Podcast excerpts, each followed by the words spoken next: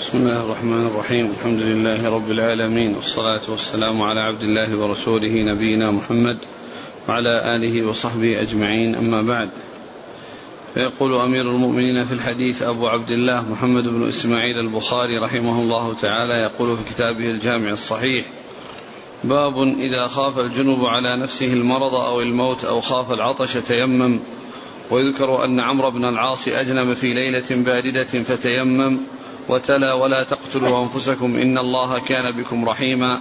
فذكر للنبي صلى الله عليه وسلم فلم يعنف. قال حدثنا بشر بن خالد قال حدثنا محمد هو غندر.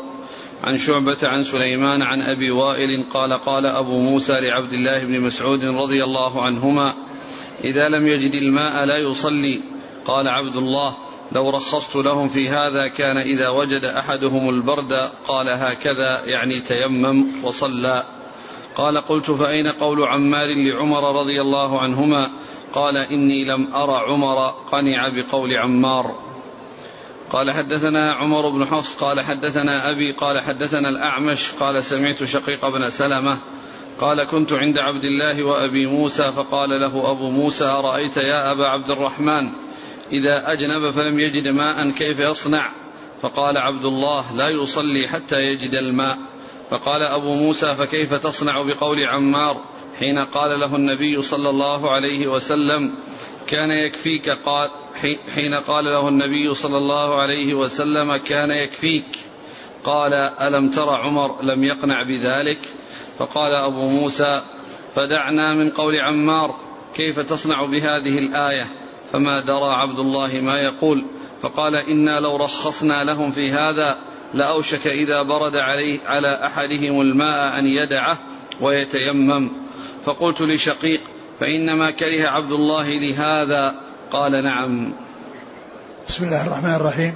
الحمد لله رب العالمين. وصلى الله وسلم وبارك على عبده ورسوله نبينا محمد وعلى آله وأصحابه أجمعين أما بعد. يقول الإمام البخاري رحمه الله باب إذا خاف على نفسه المرض أو الموت أو خاف العطش فإنه يت...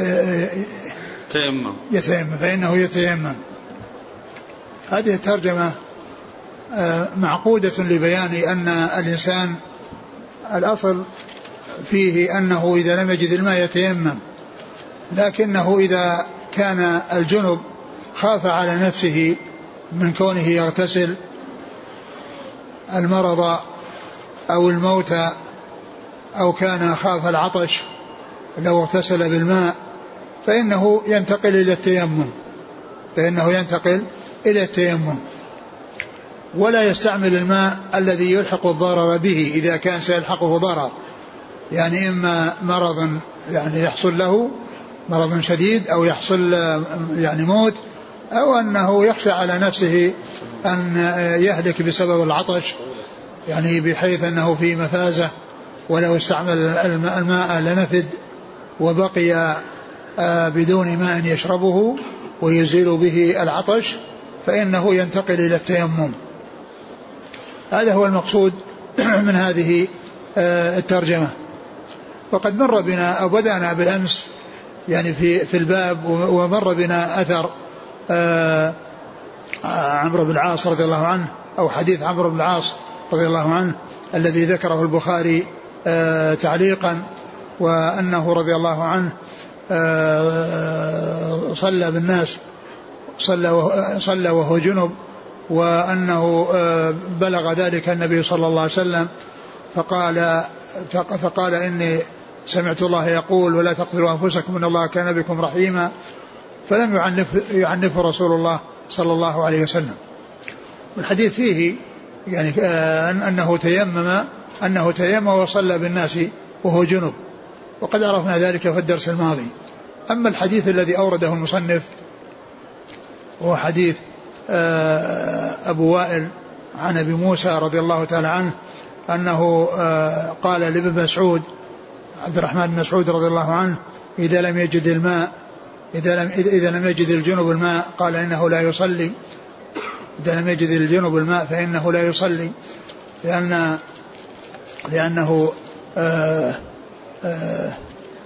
لأن لأنه لم يقنع بالذي جاء عن عن عمار بن ياسر رضي الله عنه لأن عمر لم يوافقه عليه أو أنه لم يتذكره لأن عمر رضي الله عنه لما أجنب وكذلك معه عمار بن ياسر وقد اجتهد عمار فتمرغ في الصعيد كما تمرغ الدابة يعني قياسا على قياسا على الاغتسال وعمر رضي الله عنه كان معه ولكنه لا يذكر هذا الشيء ف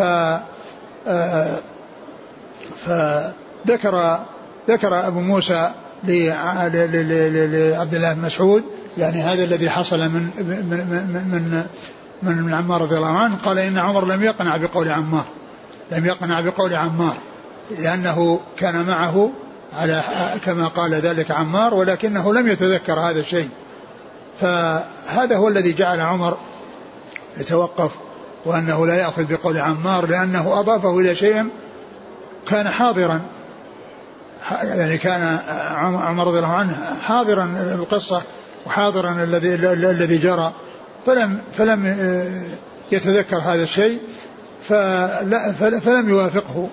لكن ابن مسعود رضي الله عنه يختلف عن عمر لأنه سمع الحديث عن رسول الله صلى الله عليه وسلم وليس مثل عمر بكونه لم يتذكر شيئا كان له به له به علاقة ف موقف ابن مسعود رضي الله عنه ليس مثل موقف عمر بل ان ان ان المناسب واللائق هو الاستسلام والانقياد لما جاء عن عن عمار رضي الله تعالى عنه وأرضاه. وابن مسعود رضي الله عنه اجتهد وقيل إنه رجع عن هذا القول وكذلك عمر قيل إنه رجع يعني عن هذا القول وأن الجنب عندما يعني آه إذا لم يجد الماء فإنه يتيمم فإنه يتيمم لأنه جاء في يعني جاء في هذه السنة صحيحة ثابتة في حديث عمار وكذلك أيضا جاء في القرآن لأن الملامسة المقصود بها في الآية الجماع لأن المقصود بها الآية في الآية الجماع. ومن مسعود رضي الله عنه لما ذكر له موسى أبو موسى قضية آه، الآية وما جاء في الآية فلو كان عنده أن الملامسة معناها اللمس باليد آه، وأنه ليس المقصود بها الجماع آه، لقال ذلك ولكنه توقف وسكت ولم يجب شيئا مما يدل على على أن الحجة إنما, إنما هي مع أبي موسى. وما قيل من أن ابن مسعود رجع إلى هذا هو هو هو اللائق وهو هو اللائق به رضي الله تعالى عنه وأرضاه. وأنه رجع رجع عن, عن هذا القول الذي الذي كان يقوله. وكذلك قيل عن عمر إنه رجع رضي الله تعالى عنهما. أقرأ الحديث.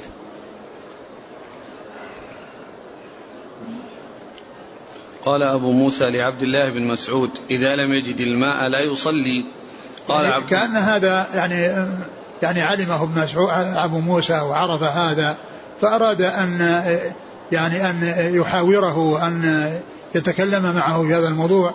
قال إذا لم يجد الماء الجنب لا يصلي لا يصلي يعني يعني منكرا يعني كونه يعني يترك الصلاة وأنه لا يصلي حتى يجد الماء. قال ابن مسعود.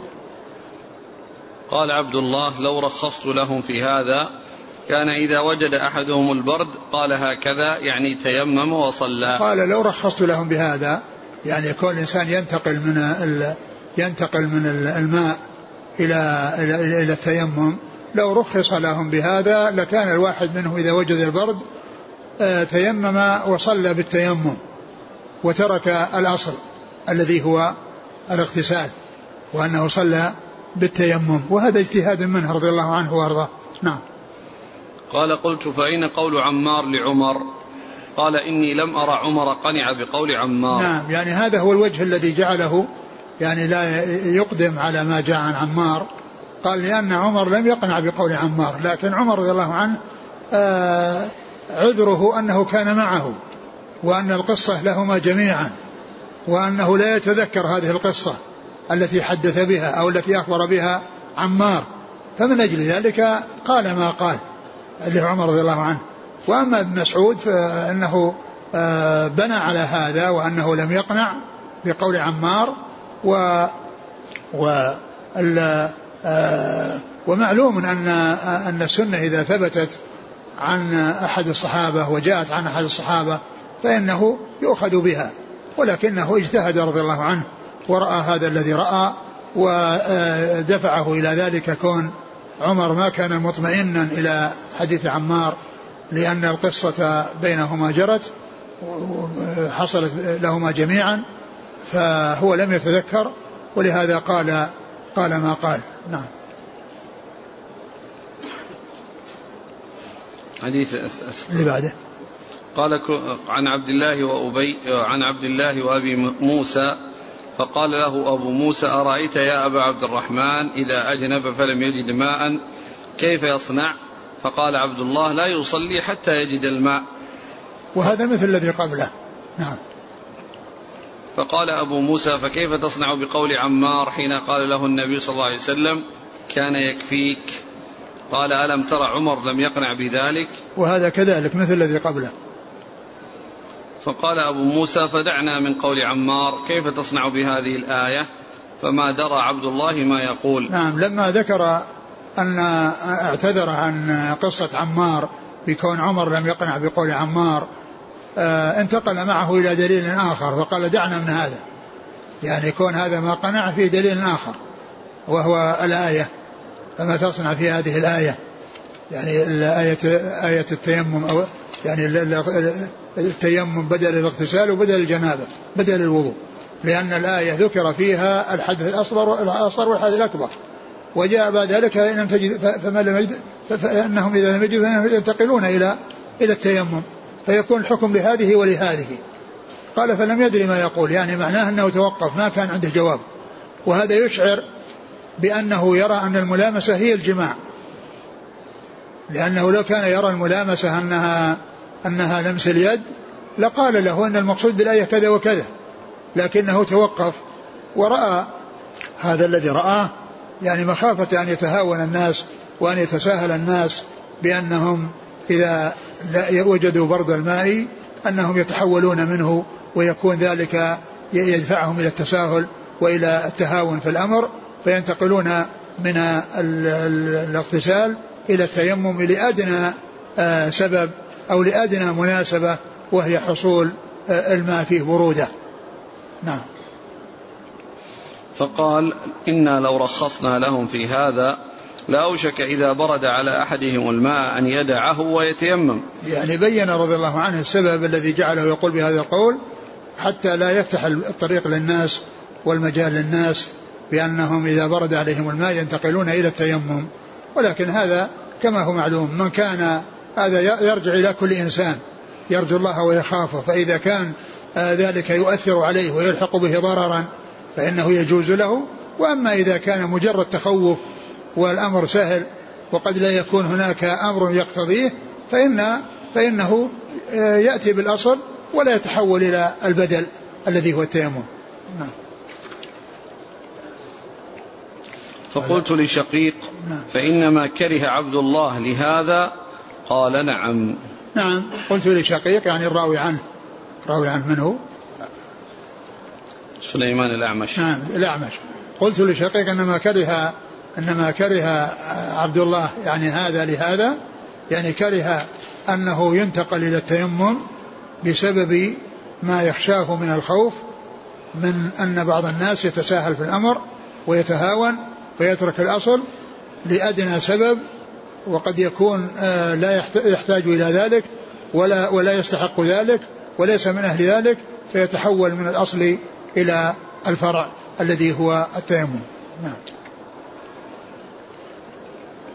قال حدثنا بشر بن خالد نعم.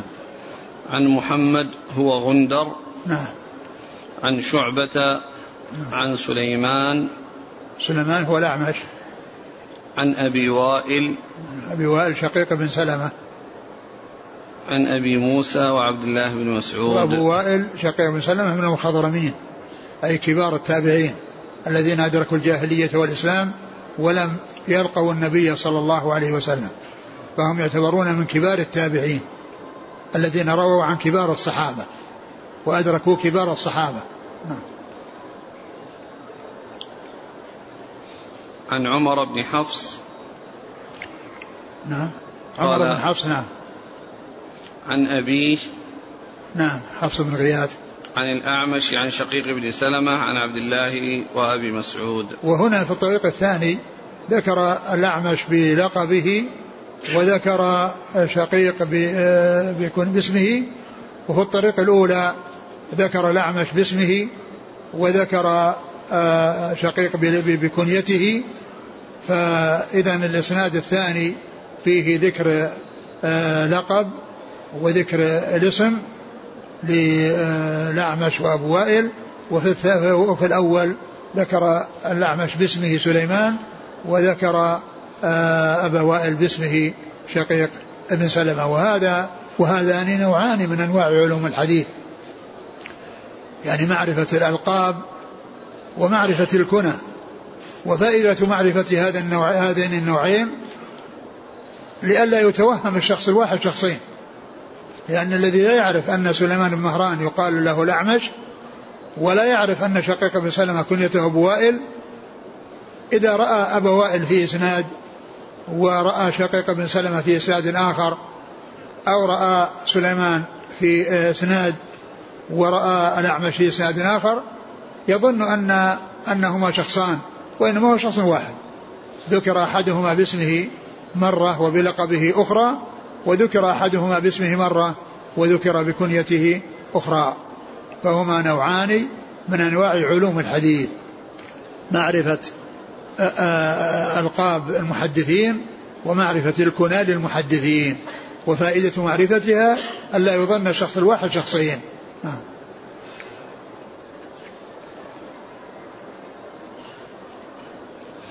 قال رحمه الله تعالى باب التيمم ضربة.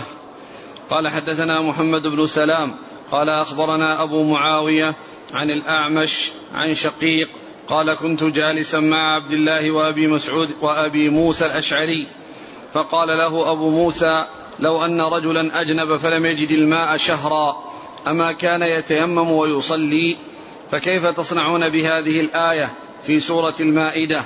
فلم تجدوا ماء فتيمموا صعيدا طيبا. فقال عبد الله لو رخص لهم في هذا لأوشكوا إذا برد عليهم الماء أن يتيمموا أن يتيمموا الصعيد.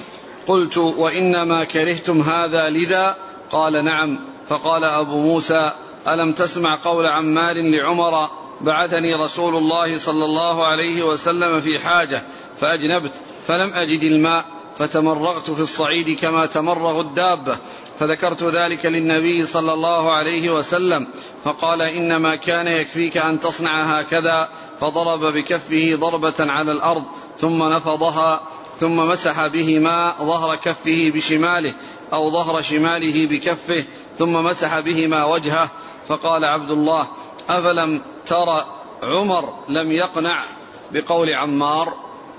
وزاد يعلى عن الأعمش عن شقيق قال كنت مع عبد الله وأبي موسى فقال أبو موسى ألم تسمع قول عمار لعمر إن رسول الله صلى الله عليه وسلم بعثني أنا وأنت فأجنبت فتمعكت بالصعيد فأتينا رسول الله صلى الله عليه وسلم فأخبرناه فقال إنما كان يكفيك هذا هكذا ومسح وجهه وكفيه واحدة.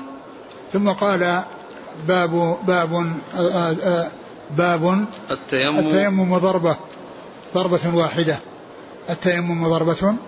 بس. التيمم ضربة يعني ضربة واحدة.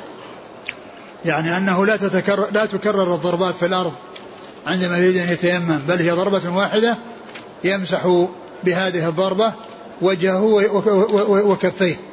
يمسح بهذه الضربة الواحدة وجهه وكفيه لأنه لا يكرر الضرب.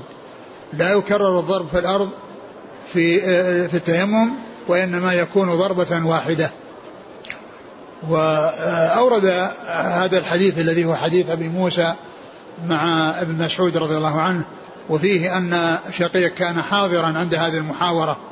شقيق بن سلمة الذي هو أبو وائل كان حاضرا هذه المحاورة التي جرت بين أبي موسى وبين عبد الله بن مسعود رضي الله تعالى عنهما. قال قال قال شقيق نعم. كنت جالسا مع عبد الله وأبي موسى الأشعري. نعم. نعم. فقال له أبو موسى لو أن رجلا أجنب فلم يجد الماء شهرا أما كان يتيمم ويصلي فكيف تصنعون بهذه الآية في سورة المائدة؟ فلم تجدوا ماء فتيمموا صعيدا طيبا. فقال عبد الله لو رخص لهم في هذا لأوشكوا إذا برد عليهم الماء أن يتيمموا الصعيد. ذكر الحديث الذي مر وأن أن أن ابن مسعود أن أبا موسى يعني قال له ما قال وأنه آه، ذكر له الآية وقال إنه آه، رأى أن فتح الباب للناس في هذا الأمر يؤدي إلى تساهلهم يؤدي إلى تساهلهم وأن تحولهم من من من من, من الاغتسال إلى إلى التيمم. فذكره بالآية فقال هذا. ثم إنه قال ثم إنه قال بعد ذلك آه، ما جرى بين أو ما حصل لعمار ما حصل لعمار فقال. قلت وإنما كرهتم هذا لذا؟ قال نعم. فقال أبو موسى ألم تسمع قول عمار لعمر بعثني رسول الله صلى الله عليه وسلم في حاجة فأجنبت. فلم أجد الماء فتمرغت في الصعيد كما تمرغ الدابة. فذكرت ذلك للنبي صلى الله عليه وسلم فقال إنما كان يكفيك أن تصنع هكذا فضرب بكفه ضربة على الأرض ثم نفضها ثم مسح بهما ظهر كفه بشماله أو ظهر شماله بكفه ثم مسح بهما وجهه.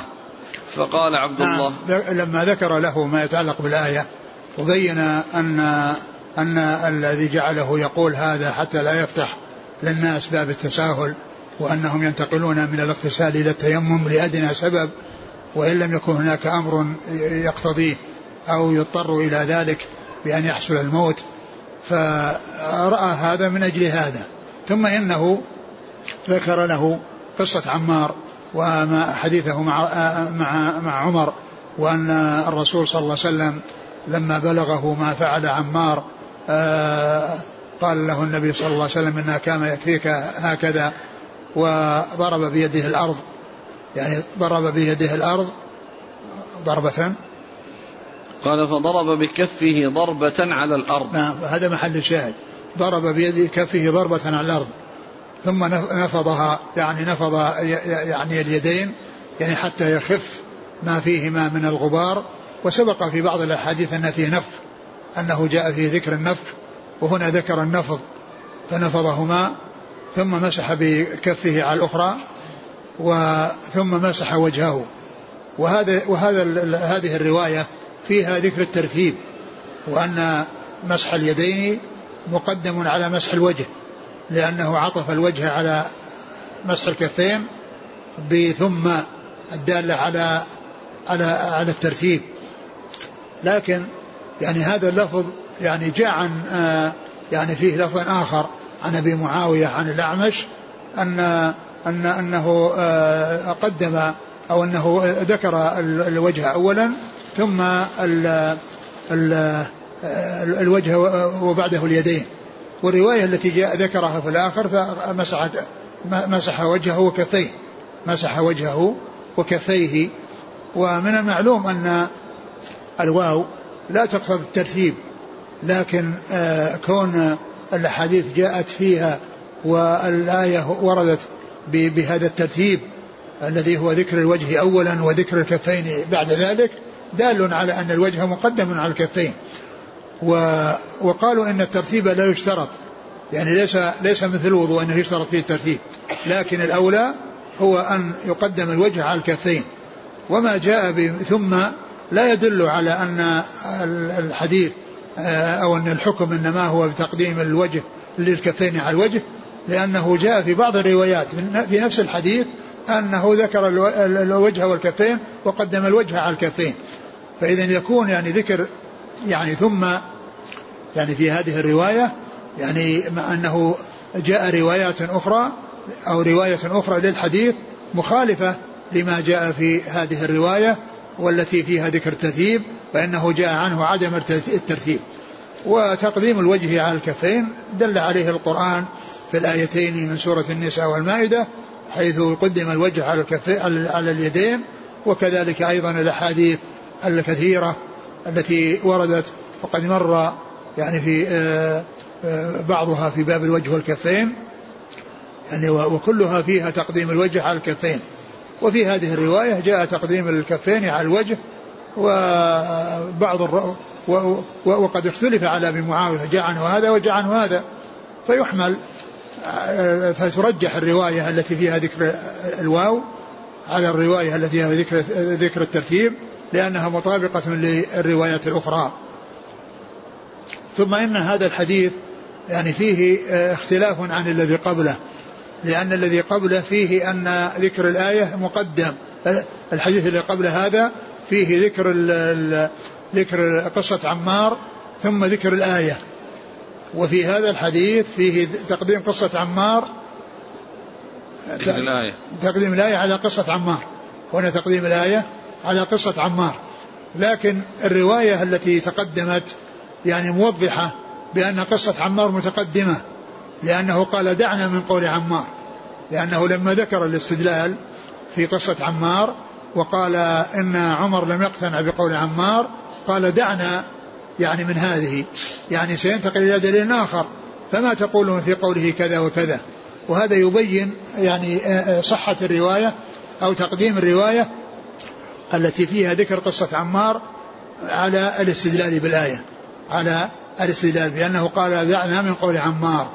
وهذا يفيد التقدم لأنه سينتقل من دليل إلى دليل آخر. بخلاف هذا فإنه ليس فيه شيء من ذلك وإنما فيه ذكر الأدلة. هذا مقدم على هذا. لكن ذاك فيه هذه الجملة الدالة على أن ذكر الاستدلال بالحديث مقدم على الاستدلال بالآية لقوله دعنا من قول عمار. نعم قال؟ فقال عبد الله ألم ترى عمر لم يقنع بقول عمار؟ وزاد نعم، يعلى نعم قال ألم ألم ترى عمر لم يقنع بقول عمار؟ يعني هذا يقول ابن مسعود لأبي موسى. قال قال دعنا.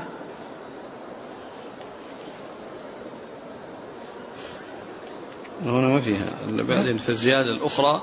فقال أبو موسى ألم تسمع قول عمار لعمر إن رسول الله صلى الله عليه وسلم بعثني أنا وأنت فأجنبت فتمعكت بالصعيد فأتينا رسول الله صلى الله عليه وسلم فأخبرناه فقال إنما كان يكفيك هكذا ومسح وجهه وكفيه واحدة نعم يعني هذا هذا فيه رواية ثانية في نفس الإسناد الذي هو الذي تقدم وفيه وجهه وكفيه.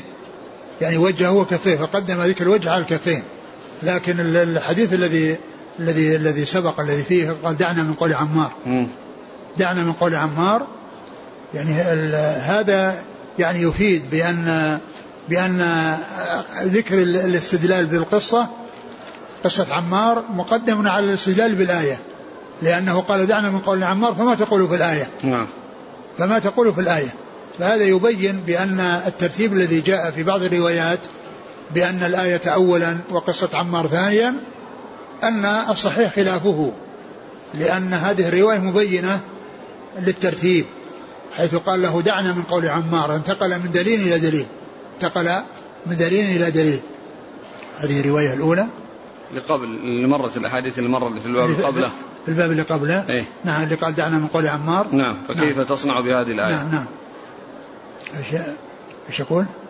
أي حديث؟ هذا الحديث الأخير عن عن شقيق قال كنت جالسا مع عبد الله وأبي مسعود الأشعري وأبي موسى الأشعري فقال له أبو موسى لو أن رجلا أجنب فلم يجد الماء شهرا أما كان يتيمم ويصلي فكيف تصنعون بهذه الآية في سورة المائدة فلم تجدوا ماء فتيمموا صعيدا طيبا فقال عبد الله لو رخص لهم في هذا لأوشكوا إذا برد عليهم الماء أن يتيمموا الصعيد. هذا هو الجواب الذي قاله في يعني في, في عند ذكر الآية إلا أنه في بعض الرواية أو رواية سابقة قال آه، فلم يدري فلم يدري ماذا يقول يعني معناه توقف.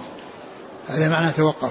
وأما هنا فإن هذه الجملة جاءت بعد الاستدلال بقصة عمار بالنسبة للاستدلال بالآية وهي أنه لو رخص لهم لأوشك إذا برد عليهم الماء أن ينتقلوا إلى التيمم. نعم. نعم اقرأ. نعم بعد تابع. قلت وإنما كرهتم هذا لذا؟ قال نعم. نعم. فقال أبو موسى ألم تسمع قول عمار لعمر؟ بعثني رسول الله صلى الله عليه وسلم في حاجة فأجنبت فلم أجد الماء فتمرغت في الصعيد كما تمرغ الدابة فذكرت ذلك للنبي صلى الله عليه وسلم فقال إنما كان يكفيك أن تصنع هكذا فضرب بكفه ضربة على الأرض ثم نفضها ثم مسح به ما ظهر كفه بشماله أو ظهر شماله بكفه. يعني محل الشاهد قوله ضربة. الترجمة قال باب التيمم ضربة. يعني فهو أورده من أجل هذه الجملة. التيمم ضربة ضرب ضربة. نعم. يعني واحدة لم يكررها. نعم. فقال عبد الله أفلم ترى عمر لم يقنع بقول عمار؟ نعم هذا هو جوابه. هذا هو جوابه في في في في, في جميع الروايات التي ذكر فيها الاستدلال بقصة عمار. نعم. وزاد يعلى عن الأعمش عن شقيق قال كنت مع عبد الله وأبي موسى فقال أبو موسى ألم تسمع قول عمار لعمر؟ إن رسول الله صلى الله عليه وسلم بعثني أنا وأنت فأجنبت فتمعكت بالصعيد فأتينا رسول الله صلى الله عليه وسلم فأخبرناه فقال إنما كان يكفيك هكذا ومسح وجهه وكفيه واحدة. رواية يعلى هذه أو الزيادة التي ذكرها يعلى التي قال وزاد يعلى يعني أنه قال أنا وأنت يعني يخاطب يخاطب عمر يعني أن هذا حصل لهما جميعا وأنه يعني يحكي شيئا عن الاثنين عنه وعن عمر.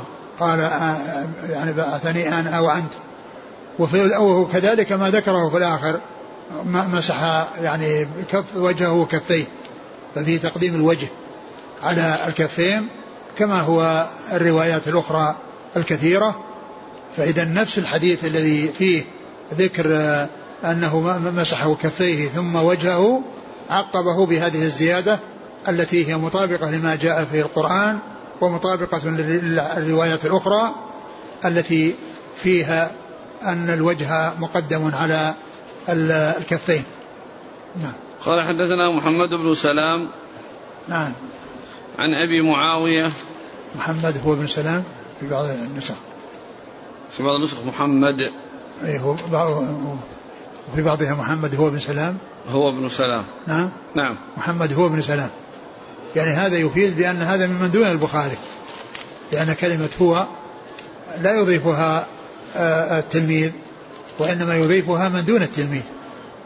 نعم. عن أبي معاوية محمد بن خازم. عن الأعمش عن شقيق عن عبد الله وأبي موسى. نعم. لأن كلها الأحاديث في هذه القصة تدور على الأعمش عن أبي عن أبي عن أبي وائل عن آه، أبي موسى. قال رحمه الله تعالى باب قال حدثنا عبدان قال أخبرنا عبد الله قال أخبرنا عوف عن أبي رجاء قال حدثنا عمران بن حسين الخزاعي رضي الله عنهما أن رسول الله صلى الله عليه وعلى آله وسلم رأى رجلا معتزلا لم يصلي في القوم. فقال يا فلان ما منعك أن تصلي في القوم؟ فقال يا رسول الله أصابتني جنابة ولا ماء. قال عليك بالصعيد فإنه يكفيك. ثم ذكر بعد ذلك هذه ترجمة باب في بعض النسخ باب وفي بعضها بدون باب. فهو بدون باب حديث من الترجمة السابقة. حديث من أحاديث الترجمة السابقة وهي باب التيمم ضربة. باب التيمم ضربة. وعلى أنه باب وفي وعلى الرواية التي فيها ذكر الباب يعني هو, هو معناه أنه بمثابة الفصل من الباب الذي قبله. يعني له تعلق بالذي قبله وهو بمثابة الفصل من الباب الذي قبله. وإنما أورده البخاري هنا سواء كان فيه ذكر الباب أو دون ذكر الباب لأن فيه إطلاق آه، التيمم بدون تقييد بعدد. فينصرف إلى أقل شيء وهو الواحدة كما قال ذلك الحافظ بن حجر.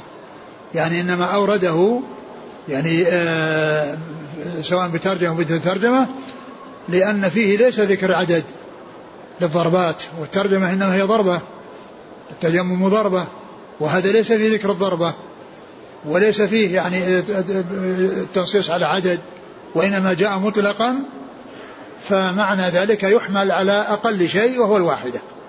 معنى ذلك أنه يحمل على أقل عدد وهو الواحدة. هذا هو وجه إراده تحت هذه الترجمة. وجه إراده تحت هذه الترجمة أنه آه، المقصود به أنه يطلق أو يعني ينطبق على أقل عدد الذي هو الواحدة. فحيث لم يبين له عدد فإنه يصرف إلى أقل شيء الذي هو الواحدة. لأن لأنه لو كان هناك زيادة لا جاء بيانها فلما فلما ذكر الحديث الذي فيه ذكر الضربة والتنصيص على الضربة أورده بحديث لا لا ذكر فيه للضربة الواحدة ولكنه مستفاد من جهة أن العدد يطلق على أقل شيء ويحمل على أقل شيء الذي هو الضربة الواحدة. نعم. أعد الحديث. قال عمران بن حسين أن النبي صلى الله عليه وسلم رأى رجلا معتزلا لم يصلي في القوم. هذا الحديث مر بنا. يعني مر بنا في الحديث الطويل الذي فيه قصة قصة المرأة التي صاحبت المزادتين حديث عمران الطويل الذي مر بنا بالأمس. وفيه أن أنه لما صلى بالناس ورأى رجلا معتزلا لم يصلي قال ما لك لم ما لك؟ قال إني أصابتني جنابة ولا ماء. قال عليك بالصعيد الطيب فإنه يكفيك ثم أنه بعد ذلك بعدما جاء الماء وأخذوا آه، من استفادوا من المزادتين المرأة المشركة أعطاه إناء وقال آه، وأمره أن يغتسل فيه. أعطاه ماء هنا ذكره اختصارا من أجل قوله عليك بالصعيد فإنه يكفيك. فلم يذكر له عددا فيكون محمولا على على أقل عدد الذي هو الضربة الواحدة. نعم. قال حدثنا عبدان. عبدان هو عبد الله بن عثمان المروزي. عن عبد الله. عبد الله هو بن مبارك ابن المبارك المروزي. عن عوف. عن عوف ابن أبي جميله الأعرابي. عن أبي رجاء. العطاردي. عن عمران بن حسين رضي الله عنه والله تعالى أعلم وصلى الله وسلم وبارك على عبده ورسوله نبينا محمد وعلى آله وأصحابه أجمعين. ونحب أن ننبه الإخوان الذين يأخذون المساعدات أن كل واحد منهم يكتب ورقة يذكر فيها اسمه وبلده وتوقيعه وتاريخ اليوم وكذلك وإن كان ولكون بعض هذه الأموال التي تصرف منها ما هو زكاة فالذي لا يستحق الزكاة يكتب في الورقة أنه لا يريد شيء من الزكاة جزاكم الله خيرا وبارك الله فيكم والهمكم الله الصواب ووفقكم للحق نفعنا الله ما سمعنا وغفر الله لنا ولكم وللمسلمين أجمعين آمين. آمين. يقول فضيلة الشيخ إذا كان الإنسان في يده خاتم هل يمسح عليه في التيمم أم يخلعه؟ لا ما يخلعه أبدا يتيمم على يده يتيمم على يده ولو كان الخاتم فيها ما يوتر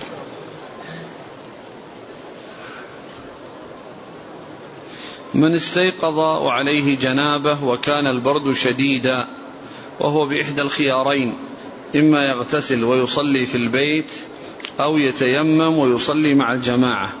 ماذا يفعل؟ آه الجماعة يعني كون الإنسان يغتسل يعني ويسخن الماء أو يعني يستعمل يعني استعماله يعني ما تفوته الصلاة فإنه يصلي يغتسل ويصلي في البيت. يغتسل ويصلي في البيت. لأن الواجب عليه هو الطهارة الأولى التي هي طهارة الماء. والتيمم إنما يصار إليه عند تعذره والآن هو غير متعذر فكونه يصلي الفريضة باغتسال وتفوته الجماعة هذا هو الذي ينبغي له يفعله لا أن يتيمم ويروح يدرك صلاة الجماعة وعنده الماء لأنه انتقل إلى إلى إلى التيمم مع وجود الماء وليس له ذلك بل يغتسل وإن أدرك الصلاة أدركها وإلا صلى في البيت. يقول هل الموالاة واجبة في التيمم مثل الوضوء؟ الذي يبدو أنها غير واجبة. أنها غير واجبة. وقالوا أن يعني بعض أهل العلم قال لا تشترط الموالاة. لا تشترط الموالاة. والترتيب. لكن كونه آه نعم موالاة يعني الترتيب أنا كلامي على الترتيب. أنا الآن أجبت على الترتيب وهو أن كونه يقدم الوجه هذا هو الذي ينبغي وهو الأولى وهو المطابق للآيات للآيتين وللأحاديث الكثيرة. هذا هو الأولى لكن لو أنه عكس لا يقال أنه مثل الوضوء. لو بدأ برجليه يعني أن وضوءه صحيح لا ليس بصحيح بل عليه عليه أن يرتب يعني في, في الوضوء. وأما بالنسبة للتيمم فالأمر سهل. الأولى أن يأتي بالترتيب يقدم الوجه على الكفين. وأما بالنسبة للموالاة معلوم أن القضية ما تحتاج إلى عناء وتعب وإلى فصل لأنها كلها ضربة واحدة يمسح وجهه وكفيه فإيش الذي يمنع الإنسان من كونه يعني يمسح يضرب ضربه ويمسح وجهه وبعدين يروح يشتغل في أمور أخرى ثم يرجع ويغسل ويغسل كفيه. لكن لو لو حصل إنه يعني حصل يعني شيء يعني شغله مع أن الأمر ما يحتاج إلى انشغال لأن كلها ضربة واحدة ويمسح بها وكلها تحصل في لحظة واحدة. ما فيه يعني شيء من مجال. لكن كونه يعني يضرب يعني ضربة واحدة يمسح وجهه وبعد ساعة يروح يضرب ضربة هذا يعني يعني يبدو إن هذا غير مستقيم. وإنما يضرب ويمسح يعمل الاثنين إذا إذا فعل. يقول قوله تعالى فامسحوا بوجوه بوجوهكم وأيديكم منه. ألا يدل على أن المسح على اليدين إلى المرفقين قياسا على موضع الغسل والوضوء. لأنه جاء تنصيص على الكفين ولا قياس مع النص. لأن عمار هو قاصر راح تمرق يعني يعني يظن أن أن الغسل أن التيمم مثل الغسل. وأنه يتمرغ بالصعيد حتى يصيب جسده كله.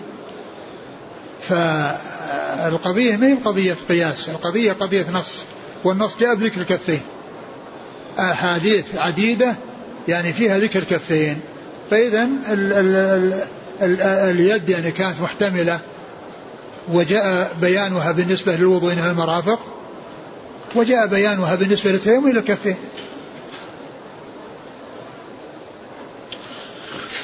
يقول إذا تيمم الرجل لأجل الخوف خوف المرض وذلك خلال اليوم كله فهل يكتفي بالتيمم لكل صلاة أم يتوضأ؟ إحنا سبق أن قلنا يعني إذا كان الماء موجود ويعني الخوف يعني ذهب فإنه ينتقل إلى الماء. لكن إذا كان أن, أن الخوف لا يزال موجود وقد تيمم وقد عرفنا في الدرس الماضي أو الذي قبله بأن بأنه يصلي يعني آه، ما لم يحدث. أنه يصلي بهذا التيمم ما لم يحدث. يعني معناه أنه مثل الوضوء. فالوضوء يعني يبقى حتى يحدث وهذا يبقى حتى يحدث. يقول آه وذكرتم بأن المقصود من الصعيد كل ما كان على وجه الأرض. نعم. ولو لم يكن عليه تراب أو غبار. لا. يعني آه، هو لابد أن يكون عليه غبار. ومعلوم أنه إذا كان في العراء ففي غبار. وإنما إذا كان في داخل البيوت والجدار ليس فيه غبار. فلا يتيمم فيه. ولكن في الخارج يتيمم فيه لأنه يكون عليه غبار. لأنه يعني آه، المقصود ما يعني آه، ما يتصاعد يعني على يد الإنسان. والرسول صلى الله عليه وسلم على الجدار. والجدار آه، إنما ثمانية لأن فيه غبار. لا لخاصيه آه، الضرب على شيء وإن لم يكن فيه غبار لأن قال صعيد. والصعيد هو ما يتصاعد ولكنه سواء كان تراب أو غير تراب. كما أن الجدار يتيمم فيه فالمكان الصخري يتيمم عليه. لأن عليه غبار. امرأة عليها جنابة وقبل أن تغتسل جاءتها الدورة. فماذا تفعل؟ تغتسل تغتسل للجنابة. تغتسل للجنابة. ومعلوم أن الاغتسال للجنابة يعني فيه فائدة لها لأنها تستطيع أن تقرأ القرآن.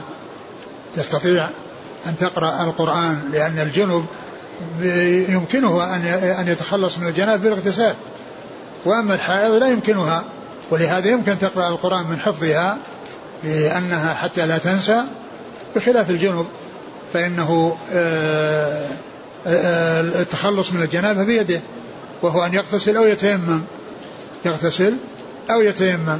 فالمرأة عليها أن تغتسل يعني حتى من أجل الجنابة وتذهب الجنابة.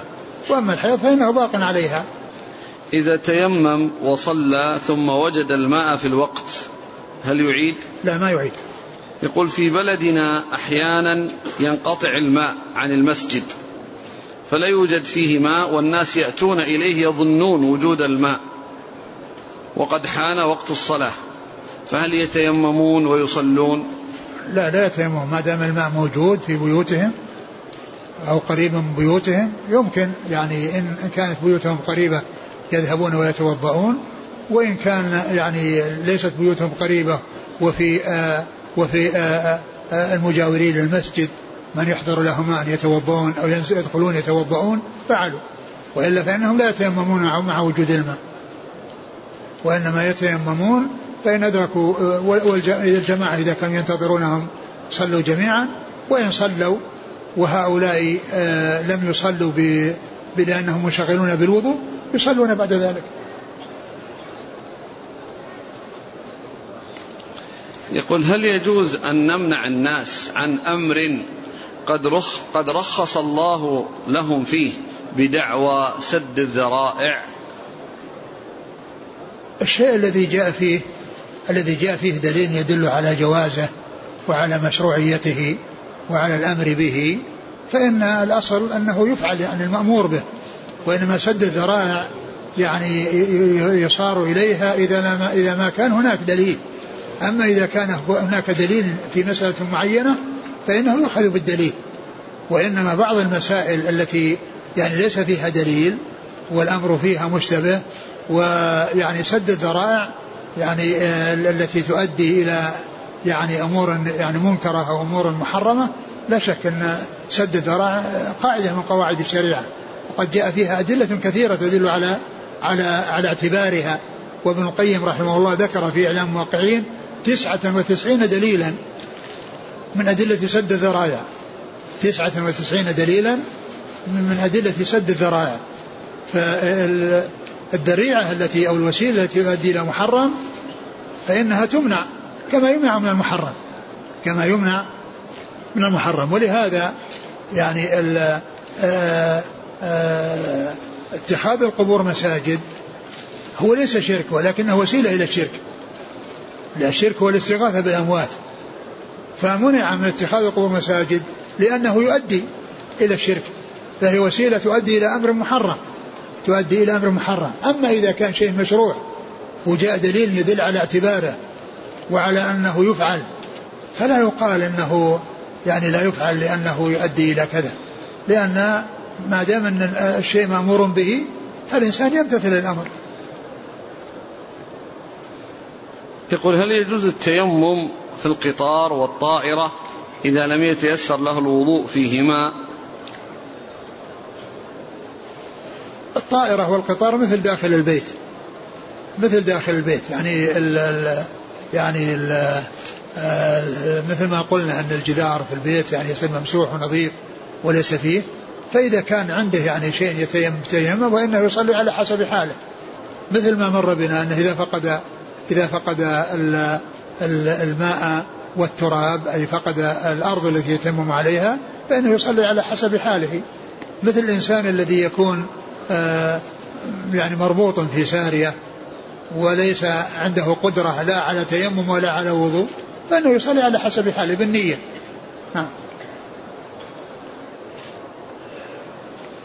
وقد سبق أن مر إذا لم يجد الماء والوضوء إذا لم يجد الماء والتراب. يقول إذا كانت الأرض نزل عليها مطر فهل يلزم أن يحفر الأرض حتى يصل للأرض التي فيها غبار؟ لأنه أحيانا يكون المطر قليل والتراب الغير ممطور قريب ممكن الوصول. أبدا إذا كان بسيط يعني يمكن أنه يزيله برجله وأنه يعني مجرد يعني شيء خفيف يعني على على رمل يعني والإنسان إذا حركه برجله ظهر فإنه يفعل هذا. لكن إذا كان أن الأرض ملبدة وليس فيه إلا يعني آه يعني حفرها يعني يحتاج إلى حفر لا ما يحتاج إلى حفر. لكن إذا كان أنه مثل ما ذكر أنه شيء يسير جدا تحركه الرجل بأن يحرك برجله وتبقى يظهر التراب يفعل. يقول من تيمم خوف البرد ثم تحسن الحال وذهب البرد في نفس اليوم هل يغتسل؟ نعم. أصل الاغتسال لازم كما هو معلوم. الإنسان الذي الذي تيمم إذا وجد الماء يغتسل. أو إذا قدر على الماء يغتسل. ما هو معنى ذلك أنه إذا تيمم خلاص ما في اغتسال؟ لا في اغتسال. لأن الرسول صلى الله عليه وسلم قال للرجل الذي الذي الذي مر بنا في الحديث والذي قال إنه أجنب ولا ماء وقال عليك بالصعيد فإنه يكفيك. لما وجدوا الماء أعطاه إياه وقال يعني اغتسل به وأمره أن يغتسل به. فإذا وجد الماء أو قدر على استعماله لا بد من الاتيان به. لا بد من استعماله. لأن هذا عذر يعني مؤقت حيث لم يجد الماء. فإنه يعني يستعمل هذا البدل. ولكنه عندما يجد الماء فيما يتعلق بالجنابة فإنه يغتسل. وكذلك بالنسبة للحيض. تغتسل إذا تيممت من أجل انقطاع حيضها وصارت تصلي بسبب ذلك لأنه لا ماء إذا وجد الماء تغتسل. يقول المني الذي ينزل بعد الجماع هل يوجب الغسل مرة أخرى؟ إذا كان الإنسان آه، آه، جامع ثم اغتسل ثم يعني ظهر منه مني بعد ذلك لا يوجب اغتسال. لا يغتسل لأن هذا تابع للأول. أقول تابع للجماع الأول وهذا من آثاره فكونه ظهر منه شيء بعد ذلك لا يعيد الاغتسال. يقول شخص بعد أن يتوضأ يشعر بقطرة بول يجد ذلك بعد الوضوء وأحيانا أثناء صلاته. إذا كان إذا كان وسواس يبتعد عنه. ولا يلتفت إليه. وإن كان غير وسواس وأن هذا حقيقة فإن ولم يكن معه سلس بول إذا كان ليس معه سلس بول وإنما هذا شيء طارئ فإنه آه، نجس وعليه أنه يعني آه، آه، أنه يغسله ويتوضأ من جديد. وإن كان في الصلاة لكن لكن بعض الناس يمكن يصير عنده وسواس فلا يلتفت إلى الوسواس. لا يلتفت إلى الوسواس. إلا إنسان يعني عرف أنه يعني كان معه يعني حصر بول وأنه يعني كذا وانطلق منه البول هذا شيء آخر. أما مجرد أن يكون يعني يقول أحس بكذا وأحس بكذا إن كان أنه مع الأسبوع فلا يلتفت إليه أصلا. لأنه لو التفت إليه ما يمكن يعمل أي عمل. آه، لأنه ليس هناك عمل مع الوسواس. وإن كان مو وسواس وأن هذا شيء محقق وأنه انتقض وضوءه بخروج هذا بهذا البول فيجب عليه أنه يعني آه، يغسل النجاسة ويتوضأ ويصلي. يقول الاغتسال بعد وجود الماء للمتيمم واجب؟ الاغتسال؟ بعد وجود الماء إيه للمتيمم واجب, واجب؟ واجب نعم. الرسول أمر بهذا. يقول آه، بارك الله فيكم عندنا في البلد قوم ينطقون القاف كافا والكاف شينا يقرؤون القرآن بهذه اللغة وربما قدم أحدهم فأم بالناس وقرأ بها. هل تصح صلاتهم؟ آه، إذا كان إذا كان فيهم من آه، يعني ينطق نطقا صحيحا بالقرآن فهو الذي يجب أن يقدم ولا يقدم من عنده نقص مع وجود من عنده كمال. لا يقدم لكن إذا كانوا كلهم كذلك أولا عليهم أنهم يتعلموا النطق الصحيح وقبل أن يتعلموه لهم أن يصلي بعضهم ببعض. يقول هل يجوز أن أعطي زكاة مالي كاملة لأخي وهو محتاج وعليه ديون؟ يجوز لكن ينبغي للإنسان أن لا يجعل زكاته وقاية لماله لأن القريب له حق غير الزكاة. وبعض الناس يتخلص من الحق بالزكاة يتخلص من الحق الذي عليه لأقاربه بالزكاة.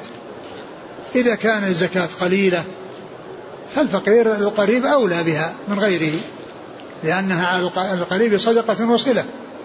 لكن إذا كانت الزكاة كثيرة ويخص بها إنسان يوفي ديونه مع أنه عنده قدرة على مساعدته من غير الزكاة ما ينبغي له أنه يخصه بها ويحرم غيره من الزكاة وإنما يعطيه من ماله ويعطيه من الزكاة. يعطيه من ماله ويعطيه من الزكاة. وأما كونه يخصص يعني زكاته أو زكواته لسداد ديون أقاربه ولا يوزع الزكاة ويجعلها وقاية للمال ويقول إذا ما أعطيتهم من الزكاة أعطيهم من المال ما يعطيهم من المال. وحقهم يعني آه، لهم عليه حق أنه يساعدهم ويعينهم ويبرهم ويحسن إليهم. لكن إذا أعطاهم وأعطى غيرهم ما في بأس.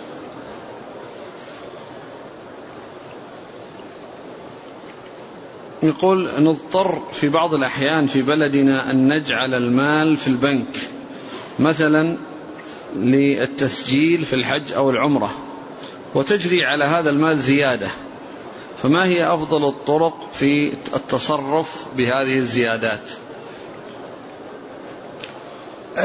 الإنسان إذا احتاج إلى التعامل مع البنك بالإيداع فإنه إذا كان بالإمكان أن يكون البنك عنده خزانات يؤجرها. فهذه الطريقة الصحيحة والسليمة للمعاملة مع البنك. لأنك بهذه الطريقة لا تمكن البنك من التصرف بمالك. لأنه يعطيك خزانة ويعطيك مفتاح الخزانة وأنت تضع نقودك تأتيها كما هي. ما حد يصل إليها غيرك.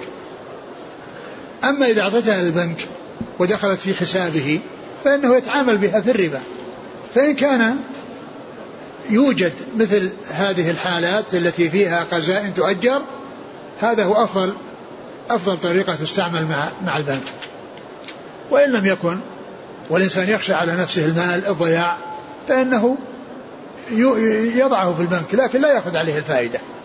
يقول هل يصح الوضوء وعلى يد الإنسان حبر هل الحبر يمنع من وصول الماء؟ إذا كان الحبر ليس شيئا يعني يغطي البشرة وإنما هو مثل إذا كان مثل الحنة معلوم أن البشرة يعني ظاهرة ولا يعني وإنما الذي يمنع يعني وجود يعني شيء يغطي ويحجب وصول الماء. أما إذا كانت البشرة يعني ظاهرة وإنما تغير لونها يعني بسبب يعني حنة مثلا فإنه لا بأس بذلك. ولكن مثل مثل هذه الأوساخ والوسخ وكذا الإنسان ينبغي له أنه يزيله. وإلا من ناحية الوضوء إذا كان أنه ما يمنع الوصول للبشرة ما يؤثر.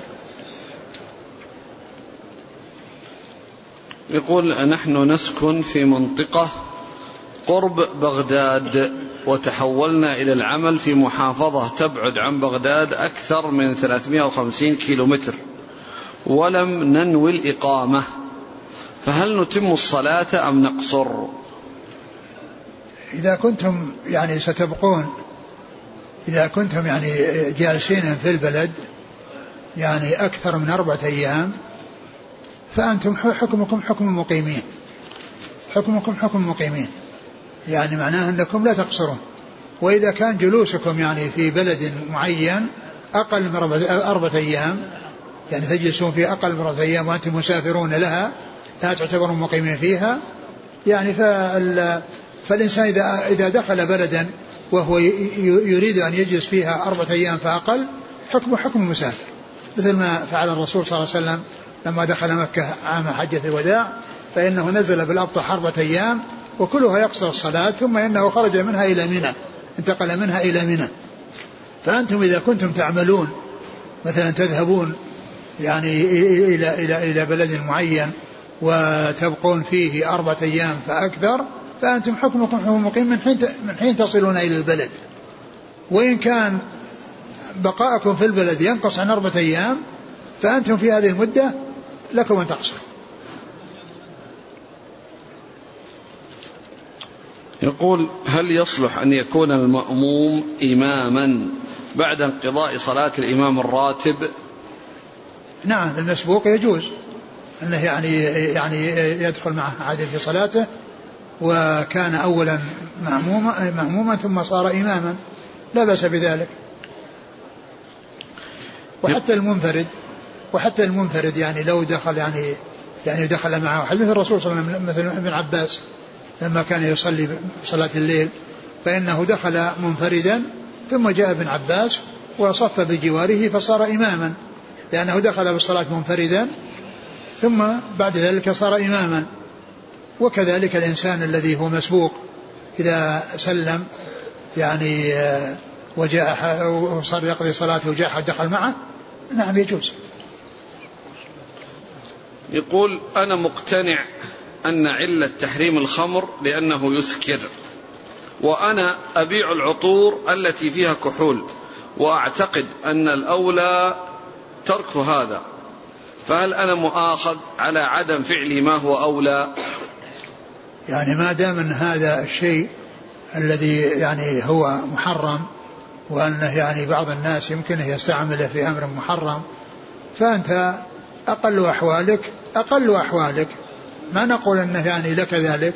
دع ما يريبك إلى ما يريبك فأنت اترك هذا الشيء وابحث لك عن تجارة لا شبهة فيها ولا حرمة فيها.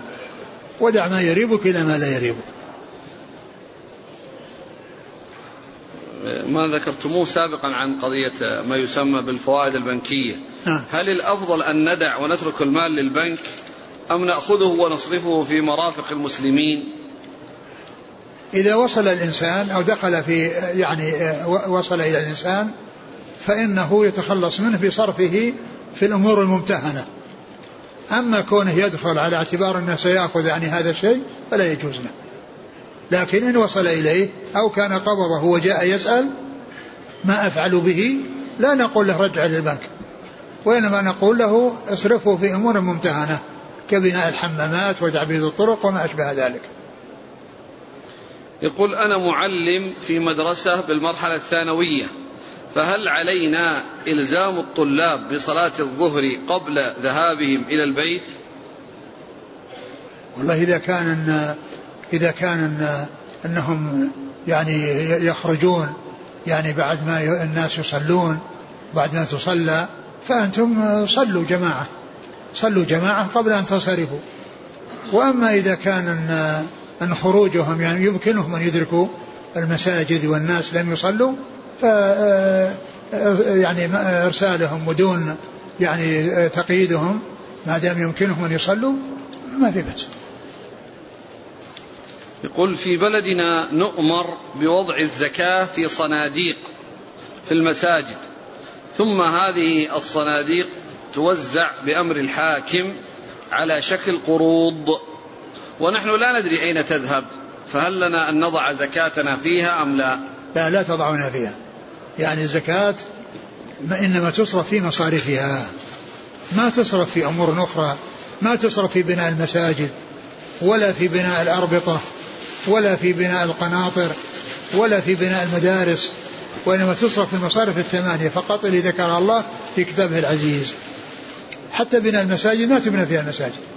الزكاة لا تبنى فيها المساجد جزاكم الله خيرا. سبحانك الله وبحمدك أشهد أن لا إله إلا أنت أستغفرك وأتوب إليك.